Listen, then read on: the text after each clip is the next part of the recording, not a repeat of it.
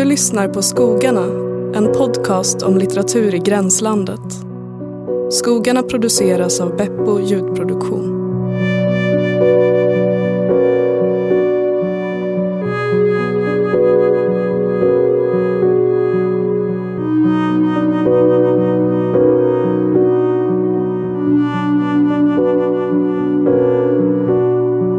Eh, ja, men vi satt ju och drack vin hemma hos dig Filip på mattan i din lägenhet. Fullt av antikviteter och typ påfågelfjädrar.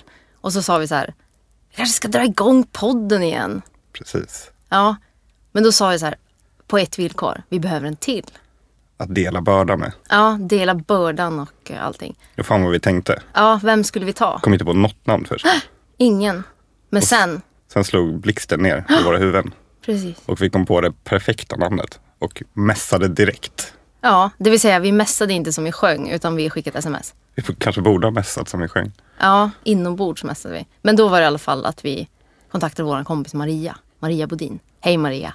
Hej. Det var ju också verkligen smset Ring mig. Just det, så dramatiskt. Men det är så vi gör här i skogarna. Dramatiken framför allt. Ja, Och, och också verkligen med känslan av att nu, nu ber vi dig om att bära en börda med oss. För Precis. att jag var jätteglad för frågan.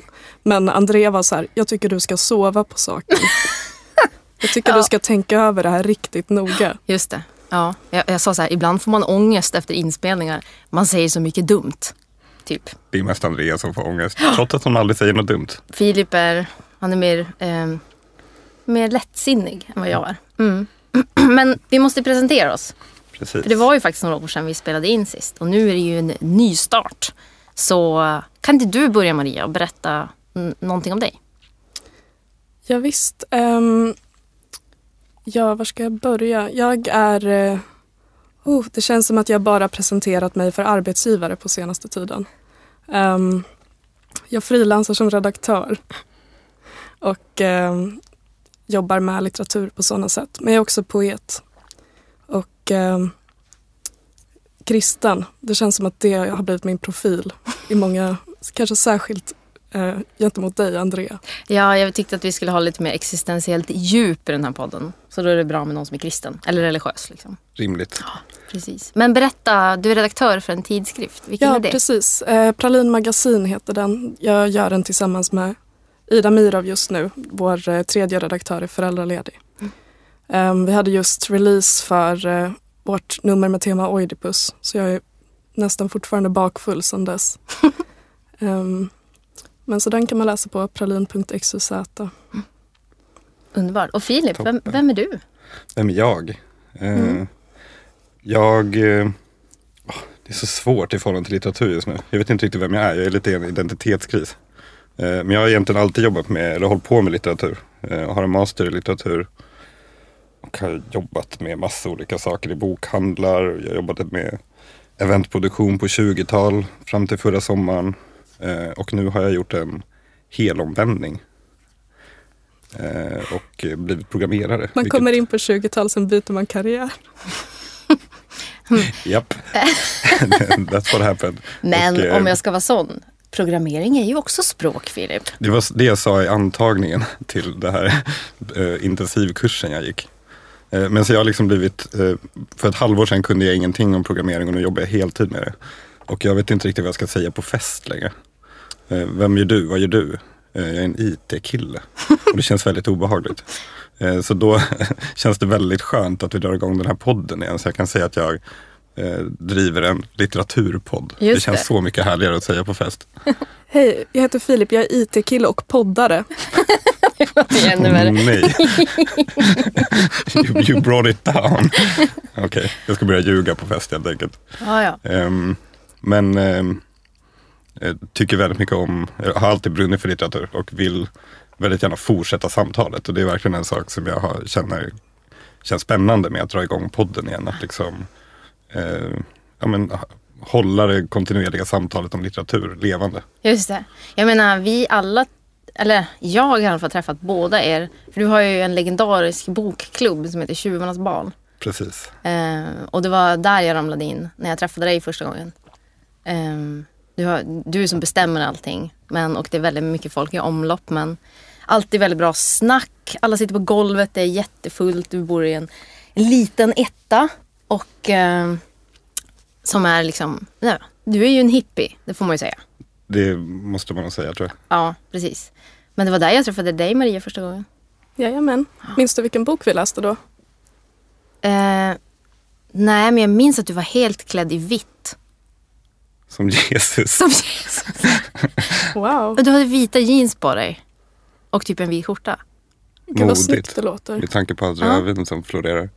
Jag minns faktiskt inte heller vilken bok det, det var. Så jag var nyfiken. Det var inte att jag frågade så. Vad hade jag på mig på vår första Ja, dejt. André? Ja, nej men det kommer jag ihåg så jag fick ju poäng. Ja. Du, du då Andrea? Vem är du? Ja, Andrea heter jag. Jag är författare, har skrivit några böcker och ehm, eh, ja, jag skriver litteraturkritik också. För lite olika tidningar. Just nu skriver jag för GP. Eh, ibland. Och sen så jobbar jag i bokhandel, världens bästa bokhandel, Aspudens bokhandel. Jag har också jobbat där. Ja, det var en bra tid. Det var en bra tid. Eh, så jag gör typ det, tror jag. Jo, jag är översättare nu också. Eh, eller jag har precis översatt en bok. Eh, från danska, som jag är jättebra på. Vad Eller i alla, i alla fall bättre nu än jag var innan. Vad heter den? Får du säga det? Den heter Troll. Eh, det var därför de tog mig, för att jag gillar troll och så. Men vad är vår tanke? Vår tanke är att vi har ett tema idag och det är skönhet. Och det är mitt fel. Eh, det är ett jättekonstigt tema tycker jag för att jag vet typ ingenting om det. Men jag har försökt tänka lite på det. Och sen så ska vi alla typ eh, prata lite om olika saker som vi relaterar till det temat kan man väl säga. Eh, Det kommer bli toppen.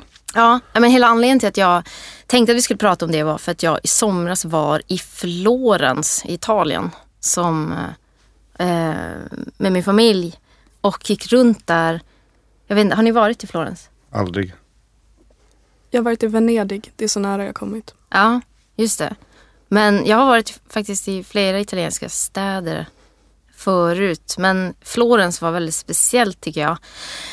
För det är liksom, det är så otroligt mycket konst i Florens. Och det första man går på de där, det förekommer i så många filmer och böcker att man är i Florens. Och eh, det, det är lite som en saga typ. Ehm, och så har de ju den här enorma Santa Maria del Fiore-katedralen som är obeskrivbar alltså. Otroligt intrikat. Och eh, så var vi på det stora konstmuseet i Florens som heter Uffizien eller Uffizi-galleriet. Och eh, jag har ju varit på liksom sådana stora konstmuseer förut. Ehm, typ Louvren. Men Louvren är ju en slaskhink i jämförelse med Uffizierna. alltså det är ju bara gå och gå och kolla på påvar typ. Eh, men Uffizierna var ju makalöst. Och då eh, när jag gick där, ganska oförberedd liksom, ändå. Eh, eftersom jag är van att kolla på konst och så. Så fick jag en sån jättekraftig eh, typ upplevelse när jag såg några må- målningar av eh, Sandro Botticelli, som renässanskonstnär.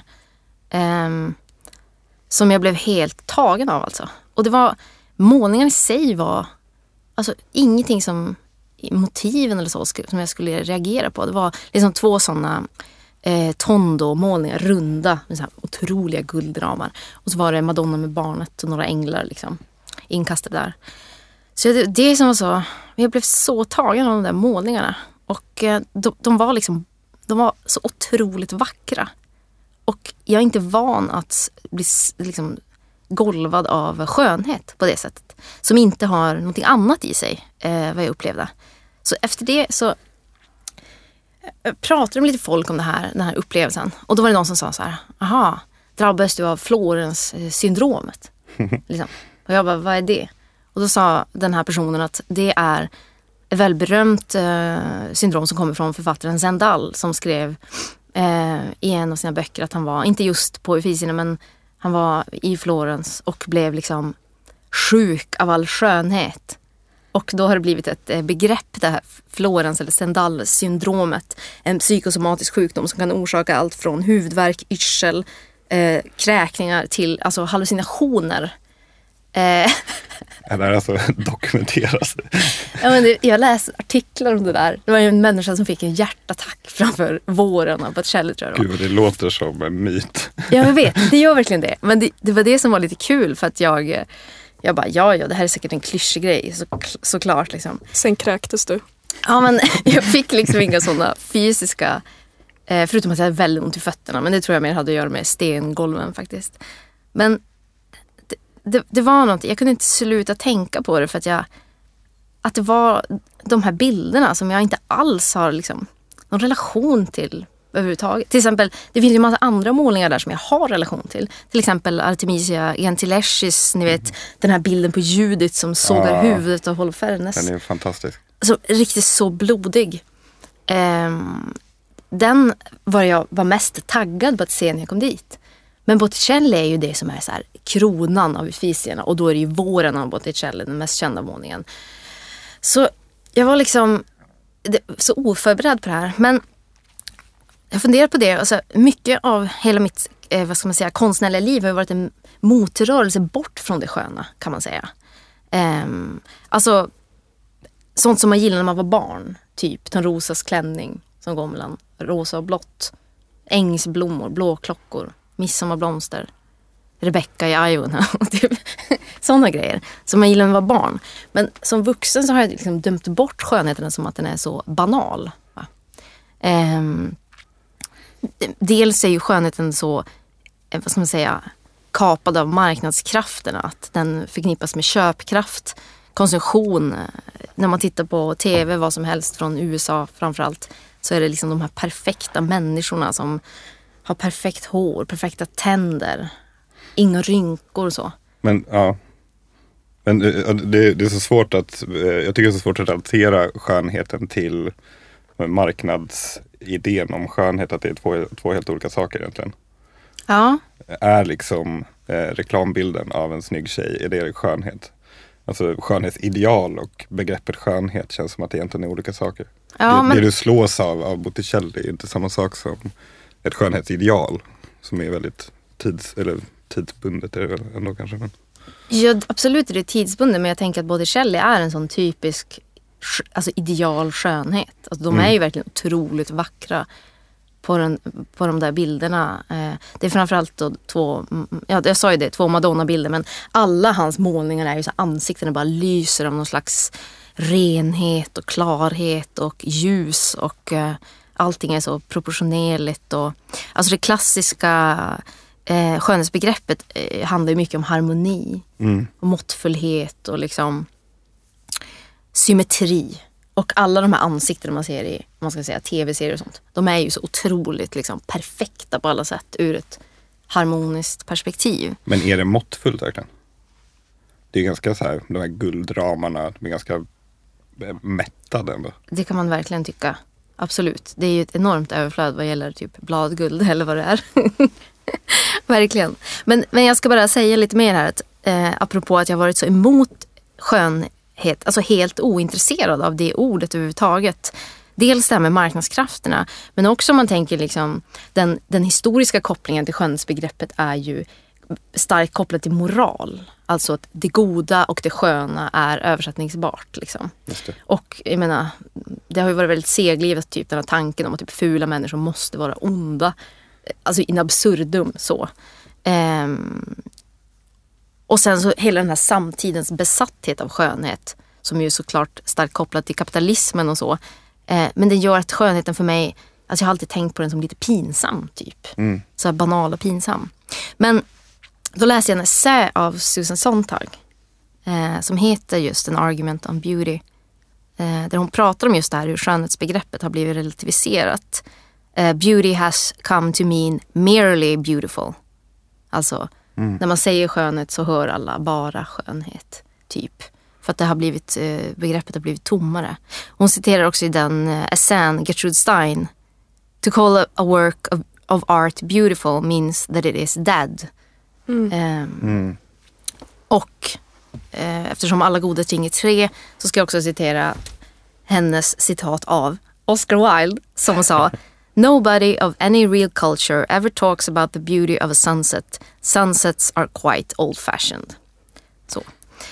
Eh, och just de här målningarna som jag blev så fascinerad av är ju dominerade av tanken på eh, sådana klassiska skönhetsbetingade grejer som typ det gyllene snittet, ni vet eh, eh, sån, hur de kompositioner är sån klassiska triangelkompositioner och så vidare.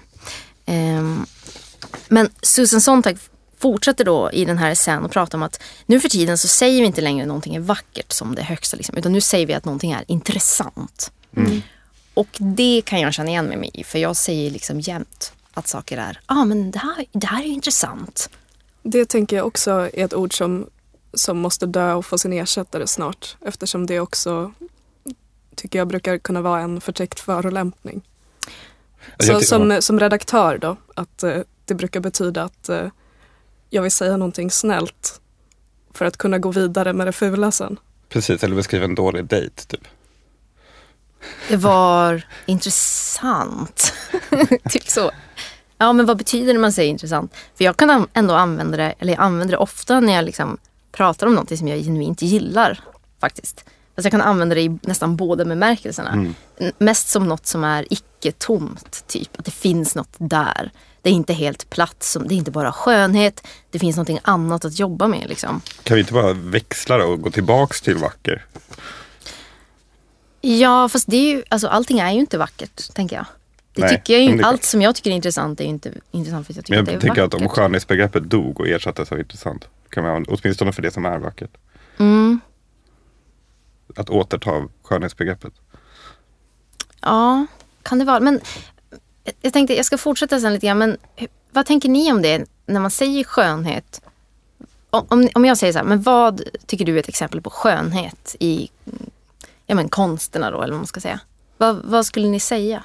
När du pratade om att bli så drabbad av någonting, liksom som, eh, som i Florens, då, jag tror att det som är motsvarande för mig är eh, Wagner kanske. Mm. Eller typ eh, Bachs H-mollmässa. Att det är liksom klassisk musik som, som har den effekten. Ehm, um,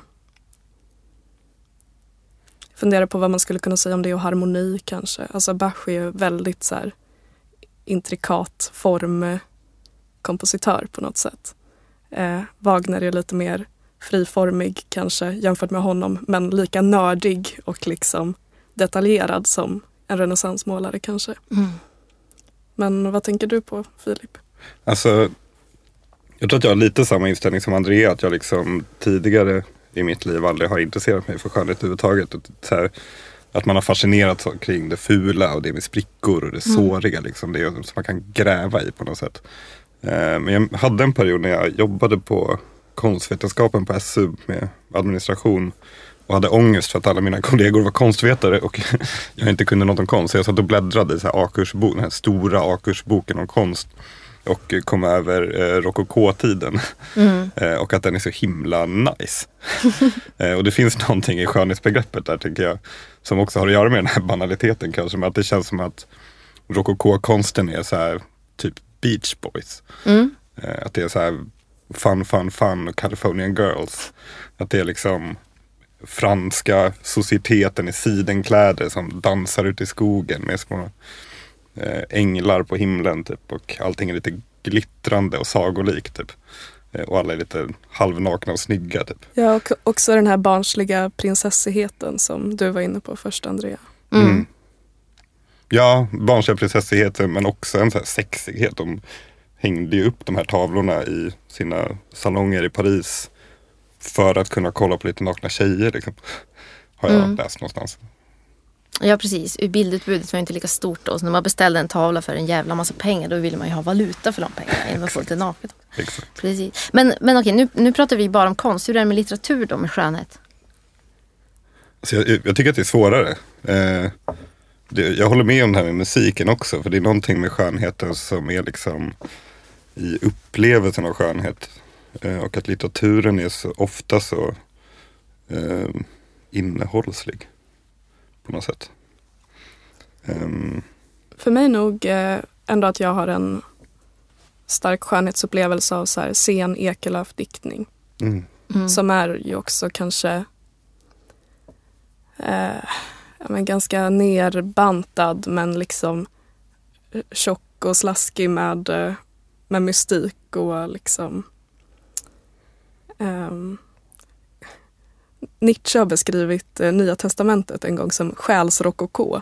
Som jag tycker är så gulligt sätt att, eller ett taskigt och roligt sätt att beskriva eh, sånt som liksom gottar sig i eh, andliga saker. Det kanske man skulle kunna säga om så Ekelöf eh, diktsamlingar som de som jag tycker om också. Alltså Divan över försten av M. John och Sagan om Fatume och så. Mm. Själsrokoko. Det är fint. Det är fint faktiskt. Det är Philips nästa tatuering. Lätt. Mm. Men jag, jag känner igen mig jättemycket i det du säger det här om att man har sökt sig mot andra saker. Alltså jag tänker ehm, att eh, för mig har det ju mer varit med liksom, att, att jag på något sätt har ställt omedvetet så här, skönhet mot fulhet och då är fulhet mycket mer intressant. För att där om, om skönhet är ordning och eh, kontroll liksom, på något sätt. Eftersom skönhet är så för, förknippat med måttfullhet i, i traditionellt sett alltså. Att då har det varit mycket mer intressant med myllret, med som Baudelaires eh, liksom, förruttnelse eller eh, för all del Birgitta Trotzigs eh, apokalyptiska skånska landskap och sådär. Thomas Bernhards malström av liksom extremt musikalisk men eh, misantropisk, vad ska man säga? Eller misantropisk kanske inte är rätt ord, men pros i alla fall. Eh, att det liksom, och samtidigt så finns det ju i det där eh, det känns också fel att kalla det fulhet, för det är det ju verkligen inte heller. Det finns ju en, en knytpunkt däremellan. Eh, och då kanske man ofta kommer mot det som, ehm, eller i vissa fall i alla fall, kommer mot det som kallas för det sublima. Jag Mm. tänker, mycket av det Trotsig skriver skulle jag säga, eh, förknippar jag med det sublima. Alltså när skönheten möter fasan eller skräcken eller liksom när avgrunden öppnar sig eh, inför en upplevelse så. Eh, att det sublima är liksom en gränsupplevelse på ett annat sätt som skönheten inte är. Men eh, jag vet inte, jag kände ett starkt behov att försöka liksom definiera vad skönhet innebär för mig. Och det var det som jag tänkte att vi kunde liksom diskutera tillsammans vad vi menar. För jag tänker, i och med modernismen känns det som att fokuset blev mer på dissonans än skönhet som det kanske hade varit mycket tidigare i historien. så. Dissonans och smärta i någon mån. Och jag har tänkt på det att alla de konstupplevelser som eh, inom litteraturen och alla konstämnena som har varit väldigt starka för mig har alltid haft ett mått av smärta i sig. Och eh, jag undrar om, om det har någonting med skönhet att göra. Egentligen kanske jag har sysslat med skönhet hela tiden. Jag vet inte. Men eh, jag tänker som den här tavlan då som jag tittade på, den här Madonna med barnet och änglarna och det är liksom för, förut kanske var jag nedbruten av den här vandringen dit. Att det var så mycket otroligt vacker konst på väg dit. Att man blev liksom försvagad. Eller någonting. Eh, hela resan. Eller så var det bara att jag just då i det, den stunden att den liksom kunde framträda för mig på något sätt. Kanske för att jag har, har läst mer än tidigare när jag har sett den typen av motiv. Att, att den på något sätt visade sig för mig. Eh, för det var verkligen en sån ögonblicklig kraft där. Och att jag kunde se, just för att återknyta till det här med smärta, att jag kunde se, känna smärtan i den eh, på ett sätt som jag aldrig hade gjort annars. Jag menar, ni vet ju hur de där målningarna ser ut eh, med de här eh, madonnorna då, alltså jungfru Maria. Hennes blick är liksom bortvänd och eh, blasé. För några år sedan kanske jag hade tänkt på henne som typ en uttråkad tonårsmorsa som eh, alltså är typ less på att vara mor. Alltså hon ser så otroligt distanserad ut. Alltså hon skådar ut i typ intet bort från bilden och sådär. Eh, lite svagt uppåtvänt ansikte. Medan nu så tänkte jag kanske mer på hennes blick som att den var en att hon, att hon såg någonting annat som jag inte såg. Att det fanns någonting som jag inte kunde nå. Och hela bilderna ut, utstrålar liksom en sorts frid eller ehm, jag vet inte, gudomlighet då helt enkelt. Som, som jag, och smärtan bestod för min del då i att jag kunde förstå att det här är vad en människa kan läsa in i bilden. Men jag har ingen tillgång till den. Eftersom jag inte är religiös. Liksom. Och därför låg smärtan i mig, inte i bilden. Men det blev ändå en del av upplevelsen så att säga. Vad spännande. Alltså att smärtan på något sätt handlade om avståndet Mm. till det du inte kunde uppleva av Mm. bilden. För jag tänkte, jag tänkte så mycket på när du pratade om liksom smärtan inblandad i skönheten. Vad, vad typiskt att jag verkligen presenterade mig som kristen först. För nu ska jag säga något väldigt kristet. Ehm, som är att Eh, det var ju jul alldeles nyligen också. Så då har vi ju verkligen firat Jesusbarnet. Jag är körsångare så jag har sjungit otroligt mycket sådana små söta visor om eh, det lilla söta Jesusbarnet. Ehm, men jag har fått en hel annan relation till, till julen och liksom till den bilden av gudsmodern med det lilla barnet sen jag började samtidigt tänka på att det där lilla barnet är det som kommer dö sen. Um, och att det är ju liksom redan förstått när man berättar den berättelsen och när man när man ser en sån vacker bild att det här kommer det här barnet kommer tas ifrån oss eller vi kommer mänskligheten kommer mörda det. Och vi är medskyldiga men också förlåtna i det samtidigt. Att liksom den ofantliga insikten finns också i bilden på Jesusbarnet och modern, tänker jag. Mm. För, för jag tänker också, det- jag tänkte på är med den här känslan i den där upplevelsen. Den var ju inte distanserad på så sätt att jag liksom jag, jag, jag var otroligt nära bilden i så. Men jag kunde också känna, dels min egen liksom eh, att, att jag, jag inte hade någon, eh, vad ska man säga? T- eh, tillgång låter så fruktansvärt hemskt men eh, jag såg att det fanns, en, det fanns en kontaktyta jag kunde känna av men det finns ing, jag är liksom avstängd eller separerad från det. Fr- Från det som jag kunde känna. Men inte, ha- jag hade inte tillgång till det. Eh, Det får bli det ordet. Men jag kunde också känna i det där ögonblicket liksom alla människor i sina, i sina eländiga jävla liv som möter den där bilden. För den är ju så otroligt, det finns en sån trygghet i den och ett sånt ljus eh, som, som är liksom övermänskligt på något sätt. Om man är riktigt bra på att måla så kan man liksom göra det här. Sandro Botticelli kunde göra det. Och att det, var, det fanns också en vila i det. Alltså det fanns, att jag kunde få tillgång till den här känslan av vila. Och för det tänkte jag på sen när jag pratade med en annan kompis till mig om det här. Som ni hör så har jag gått och funderat på det här en tag. Och ett har tag. jättemycket kompisar. Ja, jag har två och det här är de två. ja, men, och, och hon sa så här om, om skönhet och frågade det, men känner du inte en vila när du ser någonting otroligt vackert? Och det var en helt ny grej för mig. För det där med smärtan, det kan jag relatera direkt till. Men att det skulle finnas en vila, en, liksom en, en ro i det.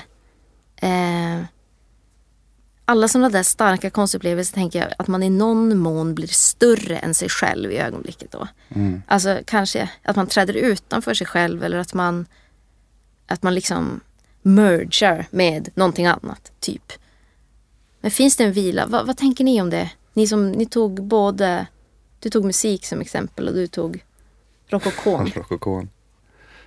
Eh, Finns det smärta eller finns det vila? Vad, vad finns det i det liksom? Jag är nog mycket närmare smärtinblandningen i så fall. Jag har svårare att direkt komma på någonting som skulle kännas som en trygg skönhetsupplevelse.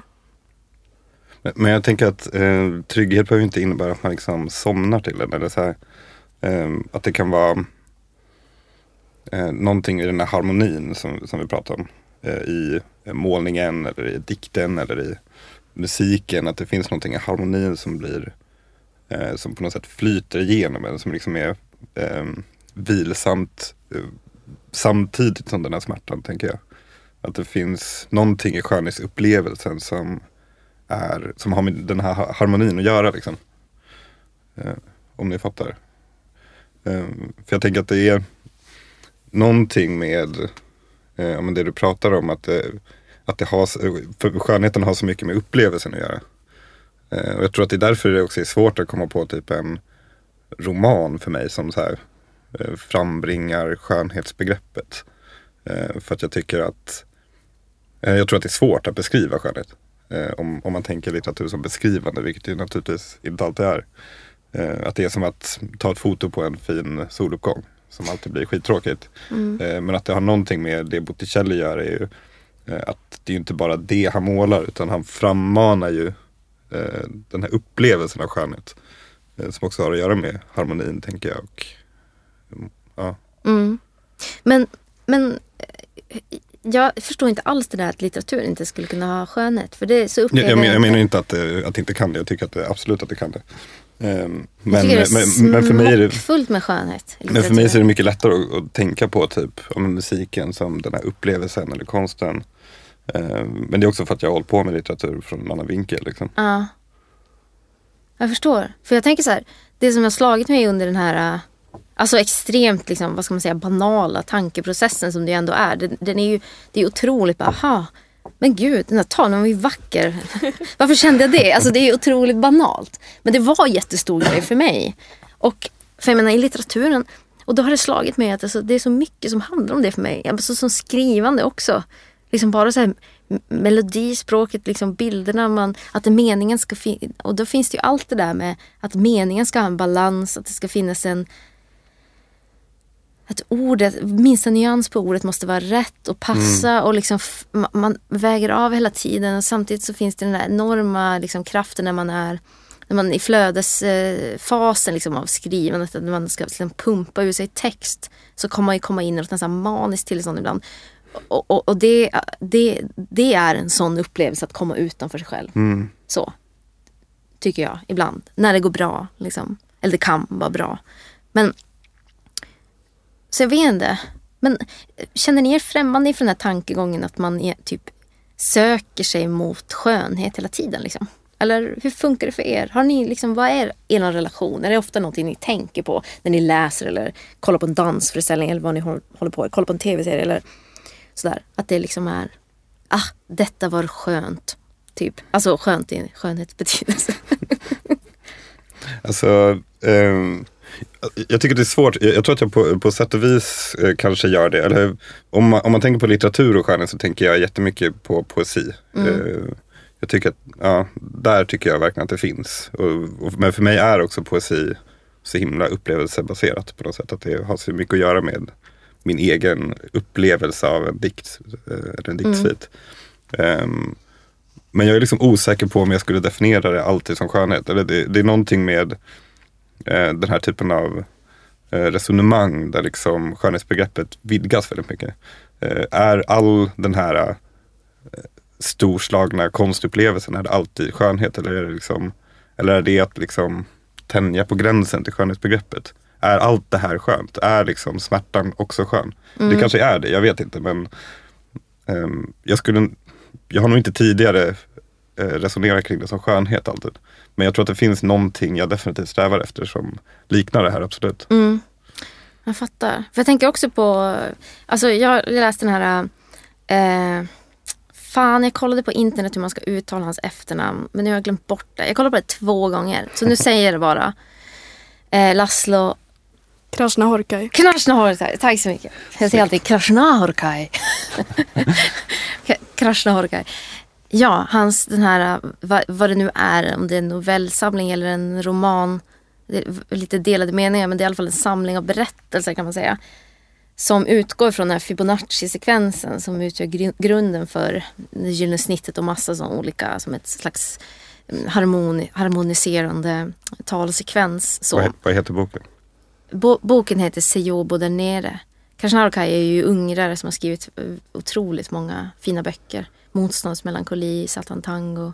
Eh, och så den här. Men det här är min favorit av honom. Och framförallt är den en novell som heter Att bevara en Buddha.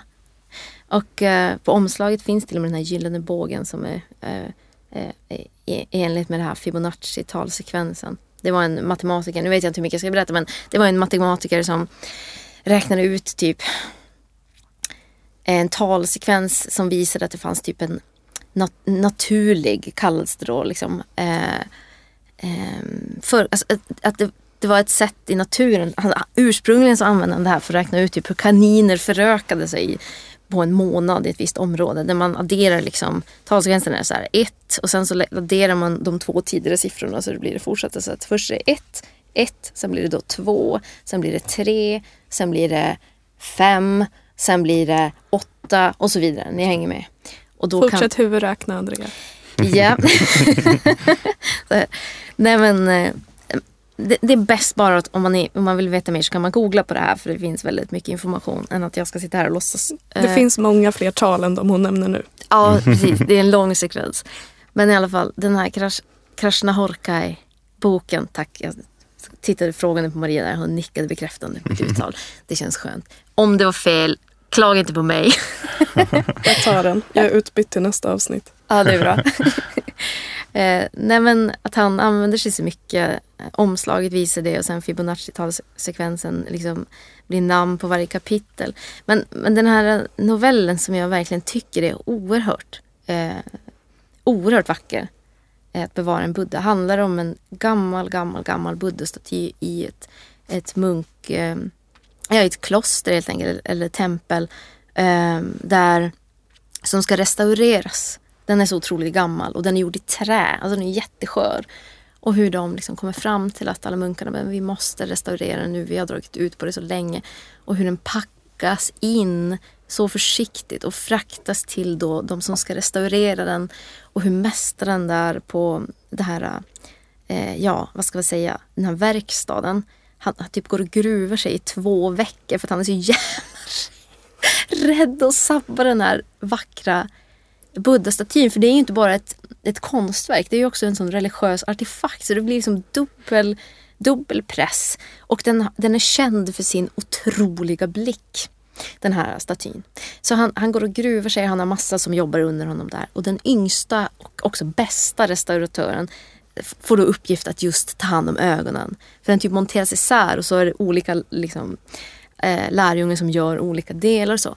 Och han gör det, och han gör det liksom helt perfekt. Den är, den är vackrare än någonsin den här blicken då. Och den liksom bär, precis som Botticelli-målningarna, de här blickarna bär på, bär på liksom något annat. Något outs, och utanför språket, utanför liksom nästan fattningsförmågan. Det är bara som en början på en repände som går liksom rätt ut i mörkret eller ljuset eller vart, vart man nu är på väg. Och sen så fortsätter det då processen, då packas den in igen och fraktas tillbaka till det här äh, klostret då, eller templet, jag kommer inte ihåg vad de kallar det. Och packas upp och den ska avtäckas och det är en ceremoni som de under de här månaderna som den har varit borta ska genomföra och alla har övat och de är så otroligt nervösa och det kommer liksom, liksom så här, eh, högt uppsatta personer från långt bort ifrån och allt måste vara rätt när de avtäcker den här och de mässar och det är alltså otroligt beskrivning av den här ceremonin. Och sen så avtäcker de den och liksom det går ju Folk svettas men liksom det går svinbra. Alltså, det går, det går toppen. Det, det är inte alls något så här dramatisk twist. Typ att nej, ett öra saknas. Alltså, det är inget sånt. Det är bara den här minutiösa processen.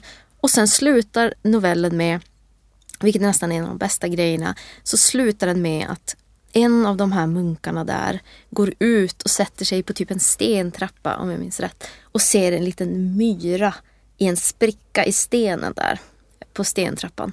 Och han tittar på den här lilla myran där i sprickan. Och sen så är det slut. Ehm, och, och liksom alla de här texterna i den här boken, Seobo där nere, handlar ju på något sätt om den här strävan efter fullkomlighet. Eh, liksom ett, något typ av, och det är det de gör genom hela... Men, den är så mänsklig i hur de, hur de hela tiden är ofullkomliga. Eller det går ju bra men de är, liksom, de är för fattiga, de är för oroliga. Det är inre stridigheter.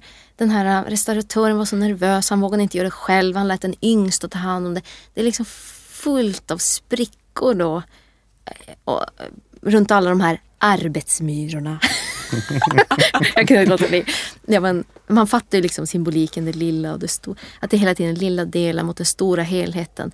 Och samtidigt är det ju så tomt på något sätt eftersom jag menar jag tycker det, det, det talar någonting om, man brukar också prata om att skönhet ska vara meningsskapande. Att man får en känsla av mening när man ser någonting skönt.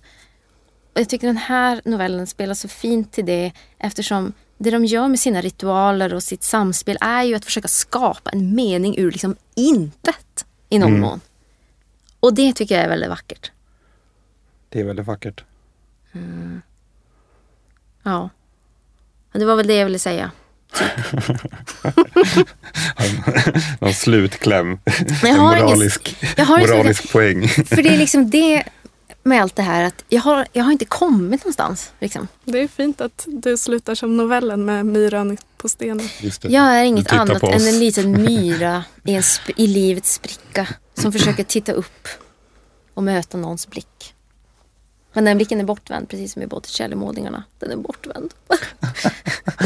ja, nej, men jag, jag har ingen slutkläm. Det här är bara något som jag har gått, gått tryckt på mig. Det här med skönhet, typ. Jag har fortfarande svårt att säga ordet skönhet. Jag tycker det är så otroligt fånigt. Otroligt fånigt med skönhet. Det är inte dialekten då? Vadå då? Ja, ah, jag gör så här sjöljud, är det det? Hur säger du? Jag skojar bara. Försök inte. Säg nu hur du säger. Skönhet. Krasnarkaj. hur säger du Filip? Skön. Skönhet. Skö- Skönhet. skönhet. Skönhet. Ja. Skönhet. Det låter du som hissrösten på Beppe och studio. ja, just det. Mm. Åttonde våningen. ja, okej. Ehm, nej, men det sublima har alltid talat till mig. Men skönheten har känt mig så... Ja. Tom. Men den är inte tom längre. Det är min slutkläm. Skönheten är djupare än jag någonsin hade anat. Jag tänker också att det kanske inte finns någon slutkläm. Nej. Eller att det liksom inte finns någon slutkläm på skönheten. För att då kanske den blir. Då dödar man, det är då man dödar den kanske. Ja, ja men om det handlar om vila eller om det handlar om smärta. Eller om de är kombinerade. Jag vet inte. Det finns ingen formel för mig än. Men vem vet, jag kanske kommer fram till det så småningom. Mm. Det är en fin öppning. Får fortsätta som Fibonacci-sekvensen. Mm. I oändlighet. Vad ska jag göra? Och det ska Mm. vara formler istället.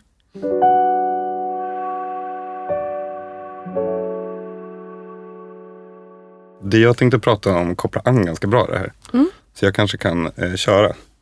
Eh, och jag tänkte, eh, kanske lite klyschigt nog, eh, börja med att läsa en dikt av Karin Boye. Mm. Eh, och sen kommer jag komma med en eh, halvretorisk följdfråga på det. Kan du bara säga någonting om Karin Boye? Om det är någon som inte vet vem det är. Svensk eh, författare. Eh, Bra Filip. denna giga, denna Ja, gigant, Överansträng dig inte. denna gigant bland gigant. Det här Eh, påminner mig om, jag var på ett jättekonstigt seminarium i litteraturvetenskap om Sappho. Och så frågade läraren typ, ah, vad, eh, vad vet vi om Sappho? Kan ni säga någonting? Och jag är jätteduktig så här. Ja, hon...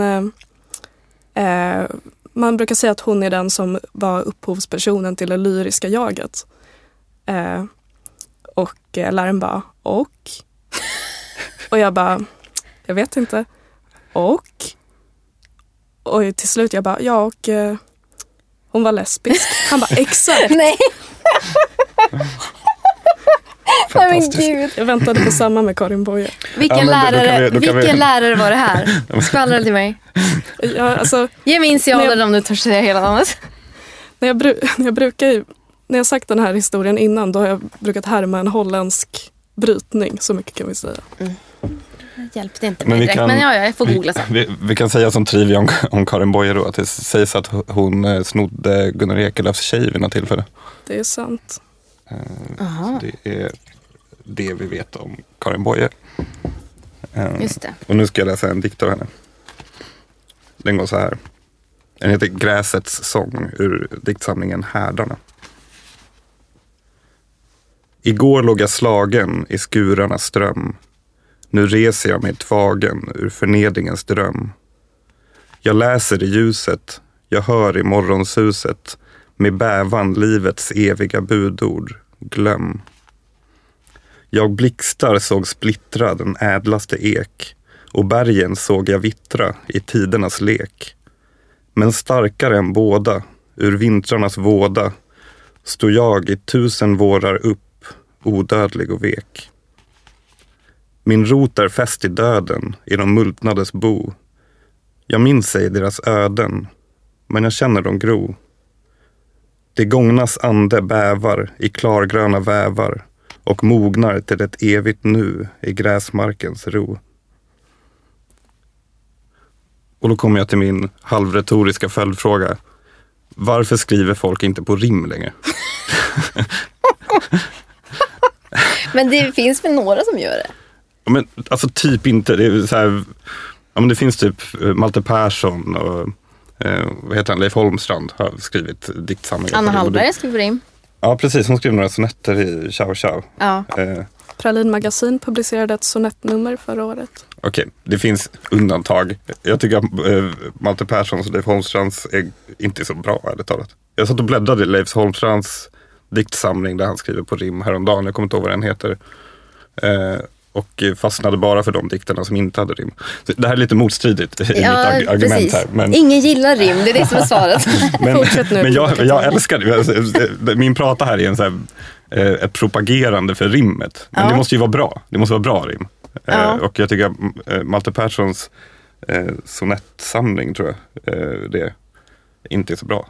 Men, men, men, Men- Så när du säger att ett rim är bra, vad liksom lägger du i det då? Men, jag kommer till det. Får jag, får jag testa ett rim på er först? Det är Ja. alltså inte mitt eget. Det är från en gammal eh, Baris Pasternak-diktsamling som jag läste. Eh, alltså en gammal svensk översättning då. Ehm, då finns det ett par verser som går så här. Tårarna längs kinden föll och stelnade som vax. Och två små skor till golvet föll och båda sade knax.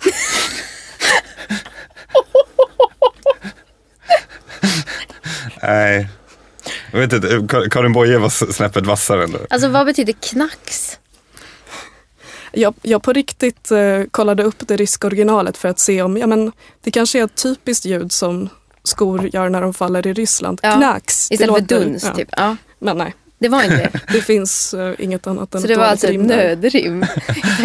Ja men det är det som är problemet. För Alltså, det, alltså, jag kopplar det här till eh, skönhetsbegreppet och jag kommer komma lite till det. Men eh, det känns som någonting som är ganska otidsenligt med rimmet i, i dikt. Alltså, om man kollar på samtida poesin så det finns ju eh, en ganska stor det känns som att det finns mycket trender kring så här reportagepoesi eller bekännelsepoesi eller i, i själva formen. Att det är väldigt mycket diktsamlingar idag som är ehm, längre sammanhållande eh, Eh, diktfragment eller så. Eh, och att de, den här typen av dikt som Karin Boyes dikt här som är små ihopsatta praliner som är liksom enhetliga, korta, rimmande, rytmen. Att det är väldigt ovanligt. Och jag tänker att det finns någonting i det här eh, skönhetsbegreppet att um, vi lever ju också, det är en ganska gammal spaning att vi lever i en tid som är ganska liksom content-fokuserad. Mm. Att det är det här berättandet. Och att i berättande tid så tänker jag att, som vi pratade om förut lite grann, att då blir skönheten ganska ointressant. Om man ska berätta om skönheten. Om man ska berätta en berättelse. Det är som att prata om glädje. Det är mycket mer intressant att prata om ångest än om glädje. För att glädje är lite dumt. Ehm, men om man liksom går bort från det här äh, bekännande och berättande så finns det ju någonting i upplevelsen av skönhet. Och där finns ju det här rimmet. Eller finns det någonting vackrare att uppleva än, eh, och det behöver inte vara liksom en klassisk rimstruktur, men det här äh, rytmen och rimmen och allitterationerna som bara rinner igenom en. Som är så himla fint. Eh, Men liksom inte riktigt matchar med det här contentkulturen tycker jag. Mm. Eh, vad handlar den här dikten om? Det är om gräs typ. Alltså jag, eh, jag hann inte uppsnappa ämnet heller. Eh, riktigt. Det spelar ingen roll. Det, det är typ min poäng också. Att det inte spe, spelar någon roll. För det är en otroligt vacker dikt. Mm. Eh, inte bara till innehållet. Att det liksom inte ligger där. Att det finns någonting i ja, men, formen. Och jag menar liksom inte att gå tillbaka till någon form av form. Eh, form före innehåll. Det är inte det argumentet jag vill föra heller. Utan snarare typ upplevelsen före innehåll. Och att formen finns med i upplevelsen. Eh, och att det här rimmet, det har att göra med den här harmonin. Att det finns en slags, nästan en, eller för mig kan det vara en så här hisnande känsla när det är liksom den här, ja men, flytet i en dikt. Att något är tight. Att något är tight. Precis. Ehm, och jag sk- skulle vilja Jag skulle läsa ett annat citat som, är, som har med saken att göra. Som är av eh, franska författaren Jean Genet. Eh, Och han var Eh, Skrev på 30-talet. Och, Satt i fängelset. och, Ja, och så var han bög. jaha. Det var dit ja. Ja, vad härligt. Och det, det här är en essä av honom som, där han pratar om lindans, en lindansare och lindansarens relation till den här stålvajen som han eller hon eh, dansar på. Och den går så här. Ladda din stållina med det vackraste uttrycket. Inte av dig, utan av den. Du ska lyckas med dina hopp, dina språng, dina danser. På akrobatslang, dina flickflax, krumsprång, saltomortarer, hjulningar och så vidare. Men inte för att briljera, utan för att en lina av stål som var död och saknade röst slutligen ska sjunga. Så tacksam den kommer vara om din uppvisning är fulländad, men till dess ära, inte din egen. Låt den hänförda publiken applådera det. Vilken häpnadsväckande lina. Se hur den bär sin dansare och hur den älskar honom. Linan kommer i sin tur att vara den som dansar dig mest fantastisk. Och eh, senare så kommer det. Om din kärlek och dina konster och knep är tillräckligt kraftfulla för att avslöja linans hemliga möjligheter. Om dina gesters precision är fulländad kommer den att störta sig till mötet med din pälsklädda fot. Det är inte du som ska dansa, det är linan. Men om det är den som dansar orörlig och om det är din bild den får att hoppa, var ska i så fall du vara? Och då tänker jag att finns det inte några, några bättre poetiska saltomortarer och flickflax än de här rimmen som Karin Boye För att tala akrobatspråk. Precis. Eh, Att det finns någonting i det här att liksom få linan att dansa. Eh, Att eh, utan de här saltomortarerna och flickflaxen så blir ju inte upplevelsen av lindansaren lika hisnande. Eh, Och det finns någonting i den där hisnande känslan att liksom publiken får hjärtat vid halsgropen. eh, Som eh, är lite av poängen med skönheten för mig. Eh, Att liksom att det suger till och det finns någonting i de här äh, ja, men flytet, det tajta. Eh, och det är väl det tajta som det här kraxet inte lyckas med. Jag kan bara hålla med. Ja. Eh, och där tycker jag att det finns något intressant med skönheten. För jag, eh, jag lyssnade på, Men alltså den där, var den på rim? Den där texten? inte av Jean Genet. Nej, det var det jag tänkte. Okej. Nej, det här var bara för att jag ville använda akrobatslang när jag pratar om rim. Aha, Eh, okej. men det är en otroligt vacker text. Ja, det, jag. den Men, är väldigt vacker. den- Men jag den bara, vad fan är rimmen? På franska kanske den är på rim, jag tror inte det. Förlåt. Eh, men, men för jag lyssnade på eh, en Örn, Örnen och Kråkans poesipodd eh, häromveckan. Eh, ett avsnitt som handlar om poesi och motstånd. Med eh, Athena Farrokhzad, eh, Burse Sahin och eh, Merima Distarevic. Dystarevich. Ja. Distarevic. Eh, jag vet, vet inte vem som sa vad i det här för jag höll inte riktigt reda på deras röster.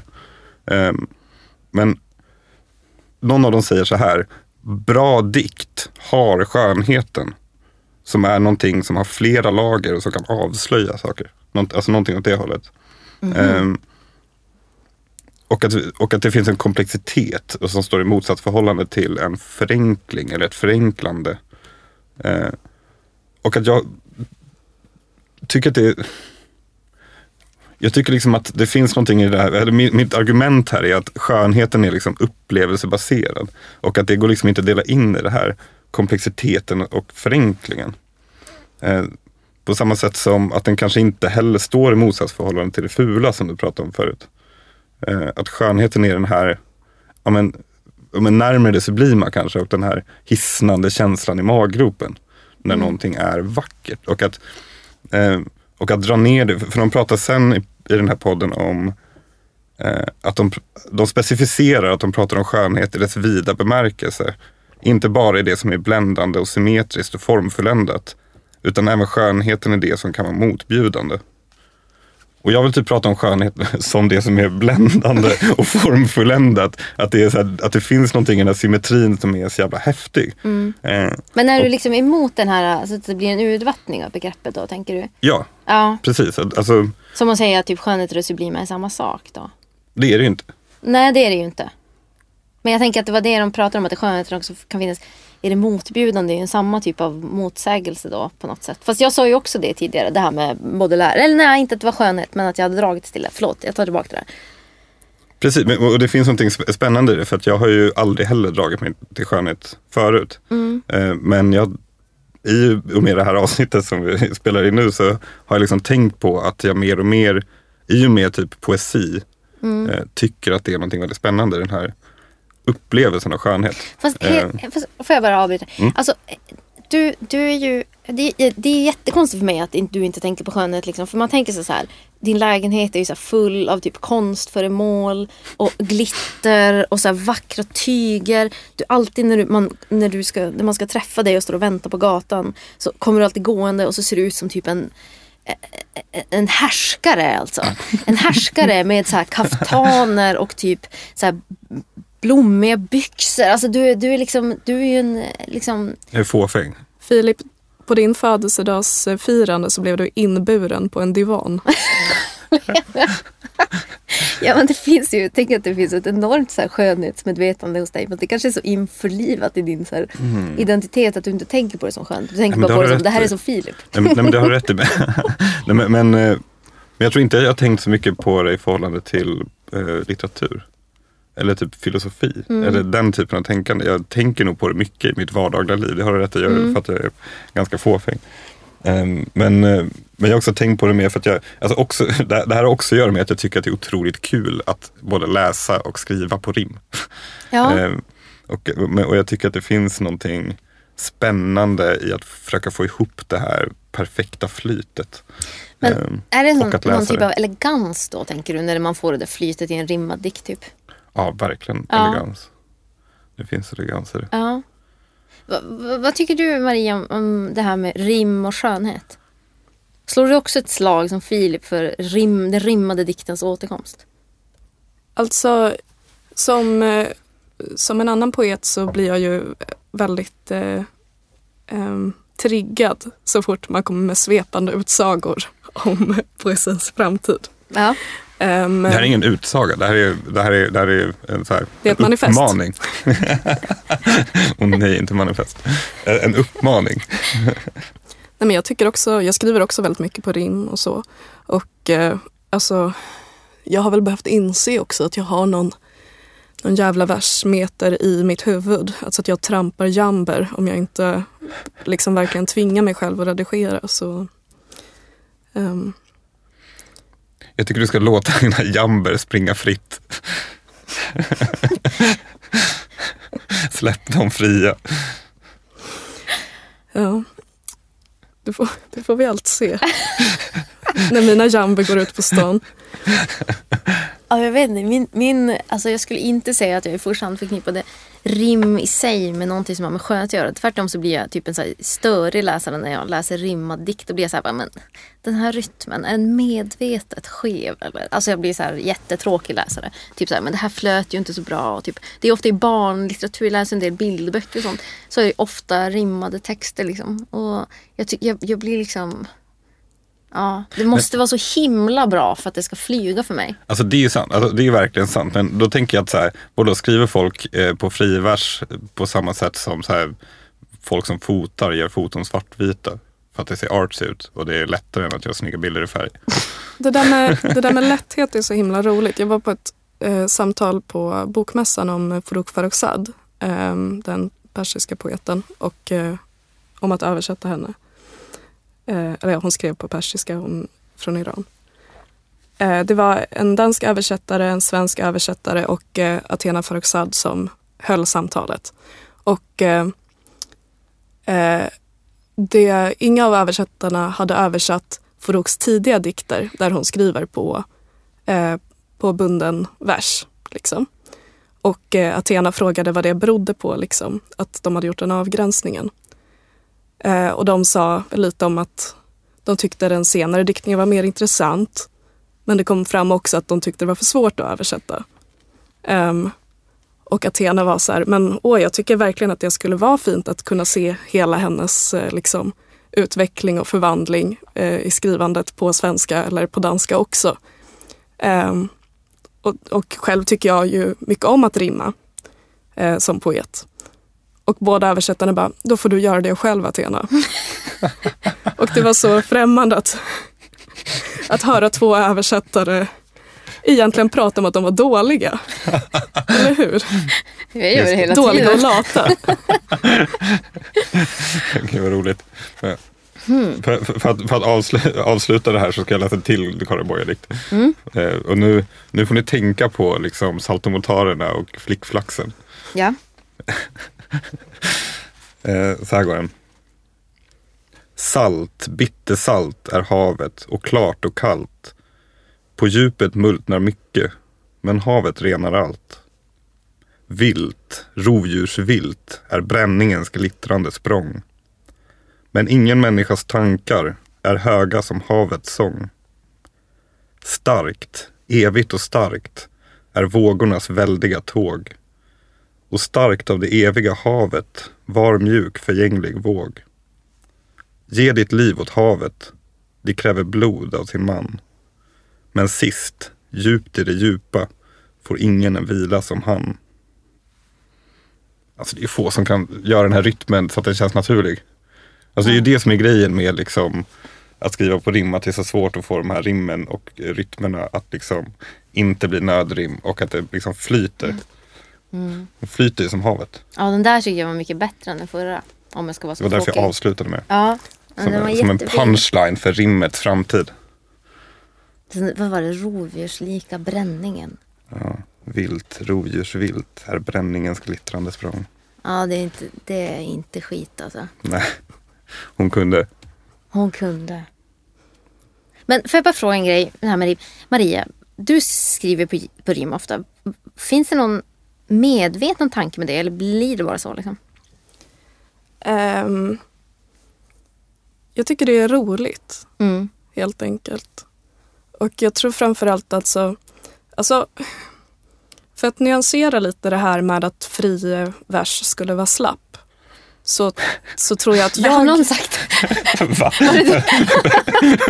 Vem var det som sa det? ja, men du sa det här om att... Jag skojar bara. jag slajtade direkt. Ja, ehm. precis. Välkommen till podden Maria. um, jo, för att de gånger som jag skriver eh, bunden vers och med rim, det är nog för att jag känner att jag inte har en bärande nog idé mm. för att skriva en annan sorts dikt. Så nödrim får nu dubbel bemärkelse? Ja, absolut. man rimmar för att det är någon sorts sig. intellektuell slapphet hos mig som gör att jag... Dikten kanske inte är så bra, men den är i alla fall rimmad. Alltså, ja. Faktum är att jag har tänkt på samma sak, men jag vill inte säga det här för att jag försöker förespråka rimmet. Men att så här, det finns något otroligt läskigt med att skriva på frivärd. För att om man läser högt en dikt man har skrivit som rimmar så blir alla jätteimponerade. Vet du, vad som är, vet du vad som är riktigt läskigt Filip? Det är att skriva prosa. Det skulle jag leva på. Word. Jag, Word. Vet du det? Alltså anledningen till att folk skriver dikter är bara för att de inte orkar skriva längre meningar, tänker jag. Marina Tsvetajeva har en rolig essä, hon är rysk poet. Eh, var rysk poet. Och? Bisexuell åtminstone tror jag. Ja, då fortsätter vi. Um, eh, där hon skriver, jag tror hon typ recenserar kanske en roman av eh, Osip Manderstam som då var också rysk Eh, författare. Och? Men framförallt poet. Ja. Um, men det är då en roman han har skrivit då. Och då, då inleder hon den här texten med att säga att uh, poeten som skriver prosa, det är som en kung som klär av sig kronan och manteln och går på gatan bland vanligt folk ja. och plötsligt blir dömd som en like. um, och jag tycker det är väldigt bra. Men varför inte bara behålla manteln och kronan när de är så fina? Tänk på flickflaxen och, och julningarna. Okej. Okay. kan jag få lite mer vin innan jag börjar prata? Ja. Självklart. Drick lite vin. All right. Skönheten ska frälsa världen. Det är ett citat, har ni hört det förut? Ja, vänta, vänta, vänta. vänta. Eh, är det, vänta. Eh, eh, Kant. Nej, men bra försök. Vänta. Nej. Dostojevskij. Ja, just fan. Just fan. Ehm, så jag har haft lite svårt att lokalisera det, men det är ett Dostojevskij-citat och det återfinns liksom i lite variationer i romanen Idioten. Ehm, men det verkar citeras typ lika fritt som, som eh, Oscar Wildes den här The only way to get rid of temptation is to yield to it. Det, är liksom, det finns i citatbanken helt enkelt. Mm. Ehm, och um, Dostojevskij är en riktig liksom, symbol för den här ryska andan. Och det här citatet lyfts också fram vad jag sett som typiskt ryskt tankegods med då ortodox utgångspunkt. Att skönheten och det heliga är detsamma. Och också det goda och det etiska. Och det här har vi varit lite inne på Mm. när, i det du sa Andrea. Om liksom skönhet och godhet. Moralen, ja. Precis. Mm. Ehm, jag har ju själv inte läst så mycket Dostojevskij. Har ni det? Alltså, en av mina favoritböcker är Bröderna Karamazov. Men jag har bara läst den en gång. Jag har läst Brott och straff och någon kort roman. Typ. Jag har läst några, länge några stycken. jag läste har tyvärr inte läst Idioten. Källarhålet också. Ja, jag har bara läst Källarhålet, den kortaste antagligen. Men det är praktiskt. Det är som att man får hans, Hans vibe. ja, man får liksom, det är som en sån här, vad heter det, Blinkist eller vad den heter. Ja, någon- den är också väldigt rolig. Det är någon app där man liksom lyssnar på böcker, så här, eh, sammanfattningar av böcker för att kunna prata om dem på en middag typ. Ah. Okej, bra. Så jag tänker att Använder du så den typ ofta? Käll, käll, källarhålet tänker jag är Dostojevskijs Blinkist. Ja, verkligen. Ehm, ja, men ja, jag har inte läst så mycket Dostojevskij och jag ändå har honom som utgångspunkt för den här pratan. Mm, det är kaxigt. Ehm, och det har ju att göra med eftersom jag är något väldigt aktuellt på kultursidorna sedan kanske flera år tillbaka, nämligen ett kulturbarn. Eh, och inte vilken sort som helst. Jag är slavistbarn. Oj. Min slavistpappa har skrivit typ hälften av det som jag kommer säga här nu. Och din mamma var Precis. handledare för min kandidatuppsats. Jaså? Är det Ja. därför Maria fick vara med i podden? Ja, Kontakten. Kontakten. exakt. Eh, men jag är slavistbarn. Visste ni att eh, Carl Frid Kleberg som är eh, SVTs Ryssland och Ukraina-korrespondent, han är också slavistbarn. Mhm. Vi föll i varandras armar över det här faktumet när vi träffades Mm. på en fest en gång. Är det Mm. en metafor för någonting mer köttigt? Nej. Nej? Eh, Synd. Jag ska googla sen. Ja. vet ni vem världens kändaste slavistbarn är? Ehm. Kent? Nej. Kanye West. Jaha. Ja. Hans eh, mamma Donda West eh, forskade om Pushkin. Mhm. Där ser man. Men Man ser hur det gick för honom. Alltså Pushkin, visst är han en sån här poet som typ vem som helst i Ryssland, om man, man ska kunna väcka dem mitt i natten ska de kunna typ Ja, verkligen en sån citera Pushkin. Nationalpoet. Ja. Och eh, ja, det kan man ju säga också. Det här kommer handla lite om just Rysslands relation till, eh, till litteraturen och till sina poeter och så. Mm. Eh, Men ja, skönheten ska frälsa världen, har Dostojevskij sagt. Och det är vackert. Men eh, i ett imperium i ett land som Ryssland så eh, har det ju genom tiden varit ett typ etiskt och tyranniskt krav för konstnärer. Någonting att uppfylla och också ett moraliskt krav som det här um, som vi var inne på tidigare. Oavsett om det varit tsardömet eller om det varit Sovjet. Um, och därför har skönhet också blivit någonting att göra motstånd mot. Kanske, um, vi har pratat om att göra motstånd mot skönhet kanske av liksom estetiska eller egna existentiella skäl, att man tycker skönheten är ointressant. Men eh, det kan också vara liksom ett auktoritärt krav um, för ens konst. Um, det finns en poet och konstnär som hette Dmitrij Prigov. Uh, han föddes på 40-talet i Sovjet, dog 2007. Uh, och han har skrivit lite om det här med uh, skönheten som ska frälsa världen. Ehm, jag upplever honom som en skapare vars, vars motståndshandlingar bestod mest i typ bus. Alltså att han gjorde aktioner som typ eh, dela ut dikter på gatan, eh, skriva dikter i en garderob och bli runtburen i den. Och eh, symptomatiskt var kanske att hans, eh, efter hans död så höll man en gravöl för honom i Moskvas tunnelbana, typ på ringlinjen, alltså i en tågvagn. Jag tänker ni kan få se en bild på hur det såg ut. Alltså, han låter ju som en eh, kul person på fest. Filip, kan du beskriva vad du ser? Det ser ut som någonting jag skulle kunna göra på min födelsedag. Det är som ett dukat bord med vin och mat och massa folk som sitter runt det och ser ut att ha ja, men ganska kul. Och massa Fast mitt i en- 00-talsryssar. Massa 00-talsryssar eh, fast eh, mitt i en tunnelbanevagn. Det ser toppen ut. Det ser också lite ut som en klassisk målning det här med centralperspektiv. Ja, att det är mitt i en vagn. Och, ja, det går, ja. Precis, skönheten kom ikapp honom till slut, den gamla räven. Precis. Så är det alltid. Eh, men jag översatte en dikt av honom om skönhet. Är den på rim? Eh, nej. Det är, ju, det är lite det som är hans själva grej. Filip stormar ut. Eh, som låter så här då. Hela morgonen tittade och tittade jag i spegeln. Och kramp genomfor mitt hjärta. Är det verkligen denna skönhet som ska frälsa världen genom mig? Och greps av fasa. Jag är väldigt förtjust i den här dikten. Jag tycker den är rolig och fin. Mm. Mm. Eh, och jag tycker också det är väldigt kul att Prigov i eh, även en annan dikt liksom hänger upp sig på Dostojevskijs skönhetsmotto. Ehm, det är en dikt som låter så här, eh, i pappas översättning då.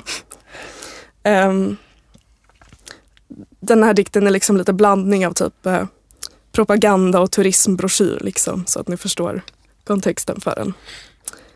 Ehm, och vacker här är samma ord som skön på ryska. Liksom. Den vackra Aka flyter genom det vackra Kaluga. De vackra människorna värmer armar och ben från morgonen här under solen. På dagen går de till arbetet, till den vackra svarta maskinen. Och på kvällen kommer de åter hem för att bo vid den vackra Aka. Och detta är kanske just den skönhet som om ett år eller om två till resultat kommer att frälsa hela världen med skönhet. Eh, och jag tycker det här är poesi när den är som bäst, när det är liksom så här fittigt. Alltså, vad ska man säga? Det, det, det är fanatiskt. Han är liksom upphängd så vid en sak som han gör motstånd mot. Och eh, jag tycker det fastnar liksom som en, som en melodi eller som en comeback. Um, sen jag läste de här dikterna går jag runt nu liksom och ja, men ser typ solnedgången över Rinkeby torg och, och bara, är det här skönheten som ska frälsa världen? Ser en kompis nyfödda barn, är det här skönheten som ska frälsa världen? Mm. Ehm, så jag, jag vill väl mest dela med mig av det här för att jag tycker om de här dikterna men också bara lyfta det här med ja, men motviljan till skönhet när skönheten är en skyldighet. Liksom. Mm. Nu känner jag mig borgerlig i min propagering för rimmet. Precis, kamrat. Nej, Men jag undrar, tvärtom. jag undrar om det inte kanske alltså just att eftersom det är sån Det var väldigt fint eh, framlagt. Mm. Eh, jag har läst eh, den där dikten om, om floden och det. Men det var som att den gick fram till mig helt, mycket tydligare nu när du läste den. Och så. Då läste jag den mer ironiskt typ. Mm. Men nu var det med en större tyngd så. Men jag tänker just den här besattheten av skönhet i framförallt populärkultur eller i massmedia då.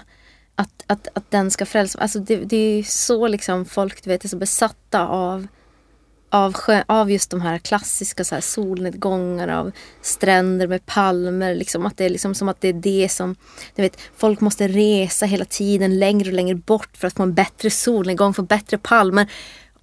Göra mer och mer ingrepp i sitt ansikte för att få ja, få vad då liksom? Just det där att det här är det som ska frälsa oss typ.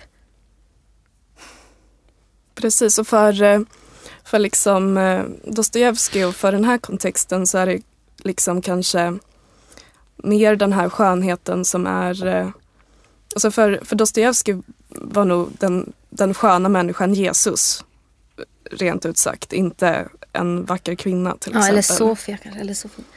Ja. Sofia. Visdomen. Visdomen ja.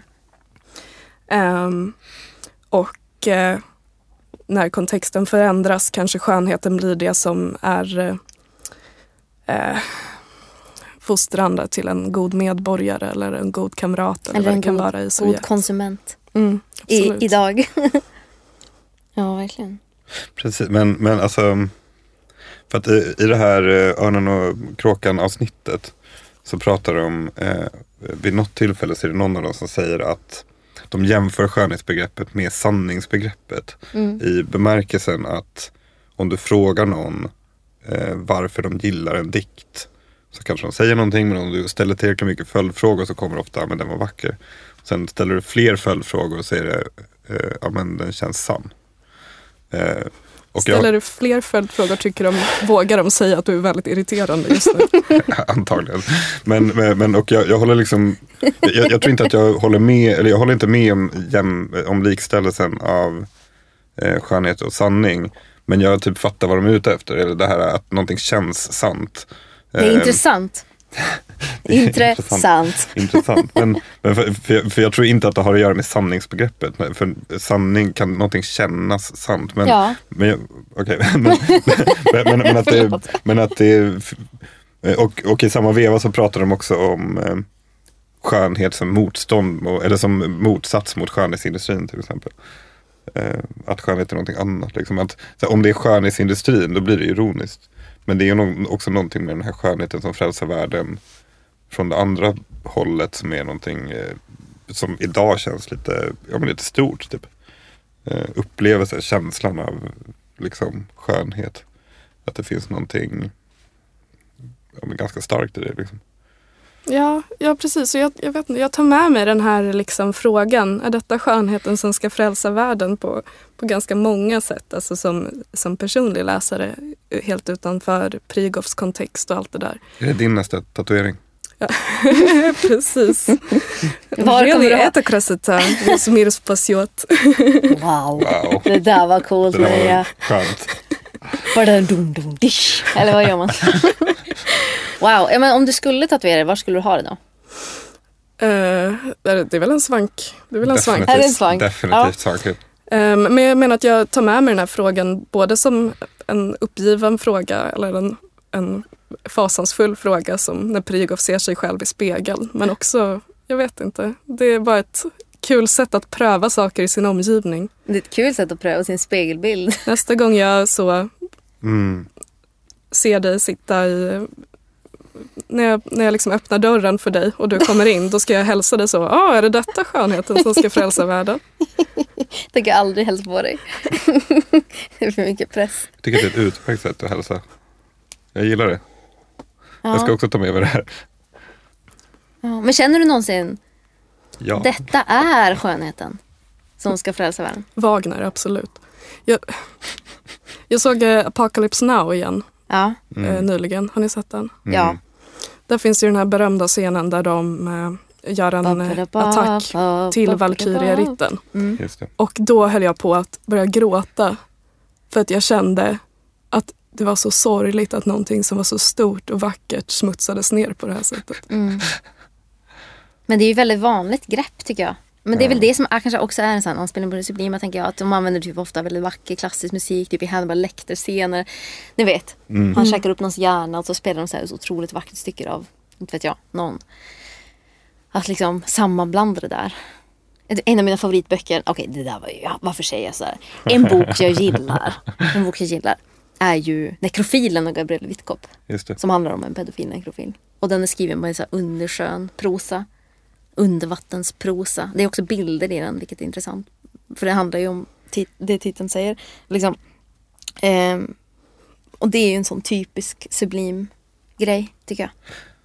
Det är roligt. Jag tänkte faktiskt på i samband med det du pratade om Maria, om Eh, att eh, det finns ju en av mina favoritförfattare, eh, en författare som jag gillar, eh, Erik. Bäckman, eh, har en gammal så här, radioteaterstycke eller någonting som heter Bach i badet.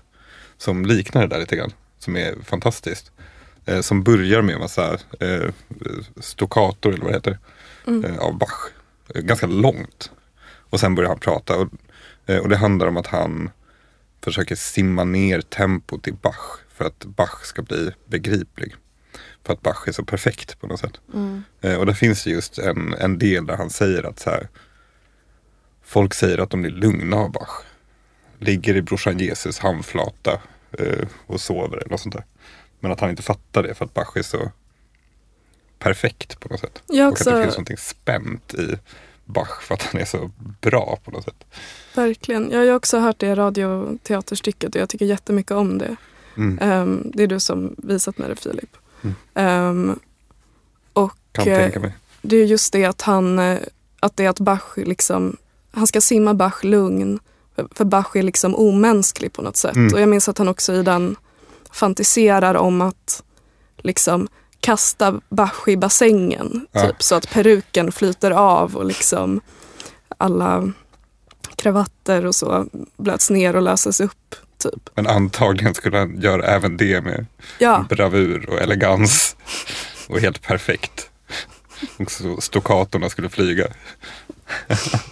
Mm. Ja, den där kommer jag att tänka på sen när jag går hem. Men ska vi säga så? ja. Det kanske är det, kanske är det vi ska säga. Ja, nästa gång får någon av er bestämma tema. Vad härligt att vi avslutade med Erik Bäckman tycker jag. Jag är skeptisk. Jag tänker, har vi inte gjort nog många avsnitt av Skogarna tidigare som handlar om Erik Bäckman? Ja, ja. det blir aldrig nog. Nej, det blir aldrig nog. Stoccata, Nej, glad, stoccata. jag är glad för vad du än säger Filip. Det är jag. Mm. Men, eh, Vad fint att vara tillbaks i skogen. Verkligen. Kul att vara här. Fint Och- att ha dig med. I'll see myself out. Okej, tack för att ni har lyssnat. Tack för att ni har Eh, lyssnat. Vi, vi, ni kan mejla oss om ni vill på skogarna.podcast.gmail.se om ni vill säga någonting, om vi har uttalat något fel. Eller osedvanligt bra för den delen. Varför Mm. inte lite ros? Jag kan redan nu mejla Filip att det heter tyvärr toccata. Fuck. Ja, Fuck. så det behöver ni inte mejla om. Men vi hörs igen. Ha det bra. Tack för oss.